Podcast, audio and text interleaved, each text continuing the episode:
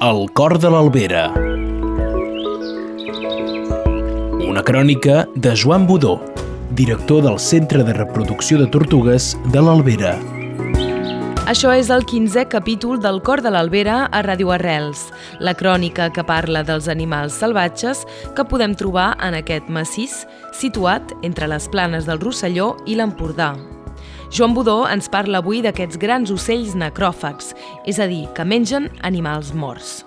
La setmana passada, l'especialista ens va parlar dels mamífers ungulats, aquests animals que tornen a poblar els nostres boscos ara que ja no hi ha tanta pressió humana i ramaderia. Pels ocells necròfags és el contrari.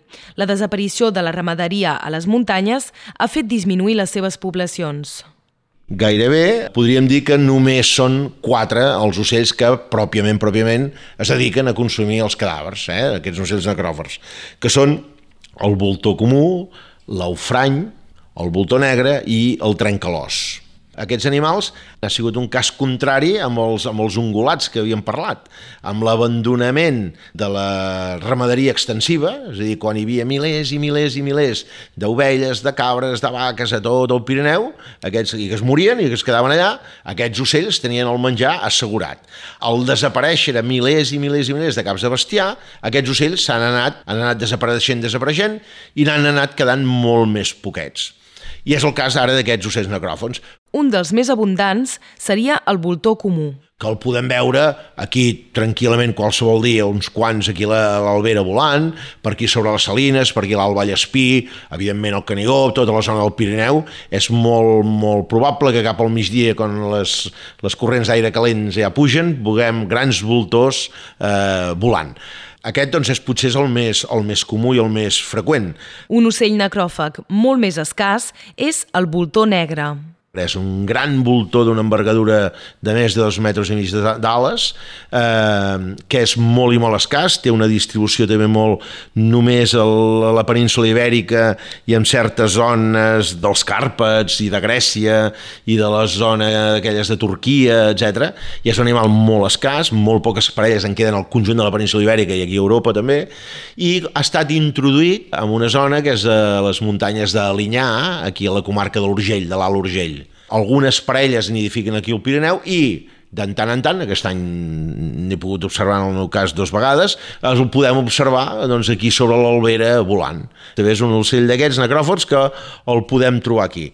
El trencalòs, a la diferència del voltor negre o comú que mengen la carn dels animals morts, menja ell els ossos és capaç d'empassar-se ossos sencers d'animals i com que té uns sucs gàstrics molt i molt i molt potents, doncs els pot pair sense, sense cap dificultat. I si l'os és molt gros, és capaç d'agafar-lo, pujar-lo a 200, 300, 400 metres d'alçada, a sobre unes roques, deixar-lo anar, caure l'os i es trenca i llavors se'l pot menjar amb més facilitat.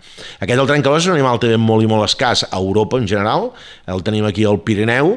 Aquí al Pirineu penseu que als anys 80 només en quedaven eh, 7 o 8 o 10 exemplars, tot el que hi havia al Pirineu i després de programes de recuperació, de reintroducció, etc etc, ara podríem dir que estem al voltant, aquí al Pirineu, de 100 individus no nidifica aquí l'albera, igual que no nidifica el voltor negre ni el voltor comú, però sí que eh, el podem anar veient perquè tenen una àrea de, de, de campeig, diríem una àrea de caça molt i molt gran. D'aquestes hi ha aquí a la zona del Canigó i de, i de les muntanyes d'aquí del Conflent, doncs hi ha, eh, hi ha un dels pocs nius que tenim aquí a la Catalunya Nord, el tenim, el tenim aquí.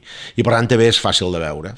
L'Aufrany ha deixat de nidificar a l'Albera i ara viu sobretot al Vallespí. És el voltor més petit. És els únics d'aquests quatre que tenim, és el que és migrador. Aquest arriba a la primavera, s'estableix per aquí, eh, nidifica, ja us dic, algun raconet aquí a l'All Vallespí hi ha algun niu, a la banda, a la banda sud d'aquí del Pirineu també, el podem veure ocasionalment aquí a l'Albera, i arribarà la tardor i se'n va cap a, cap a l'Àfrica.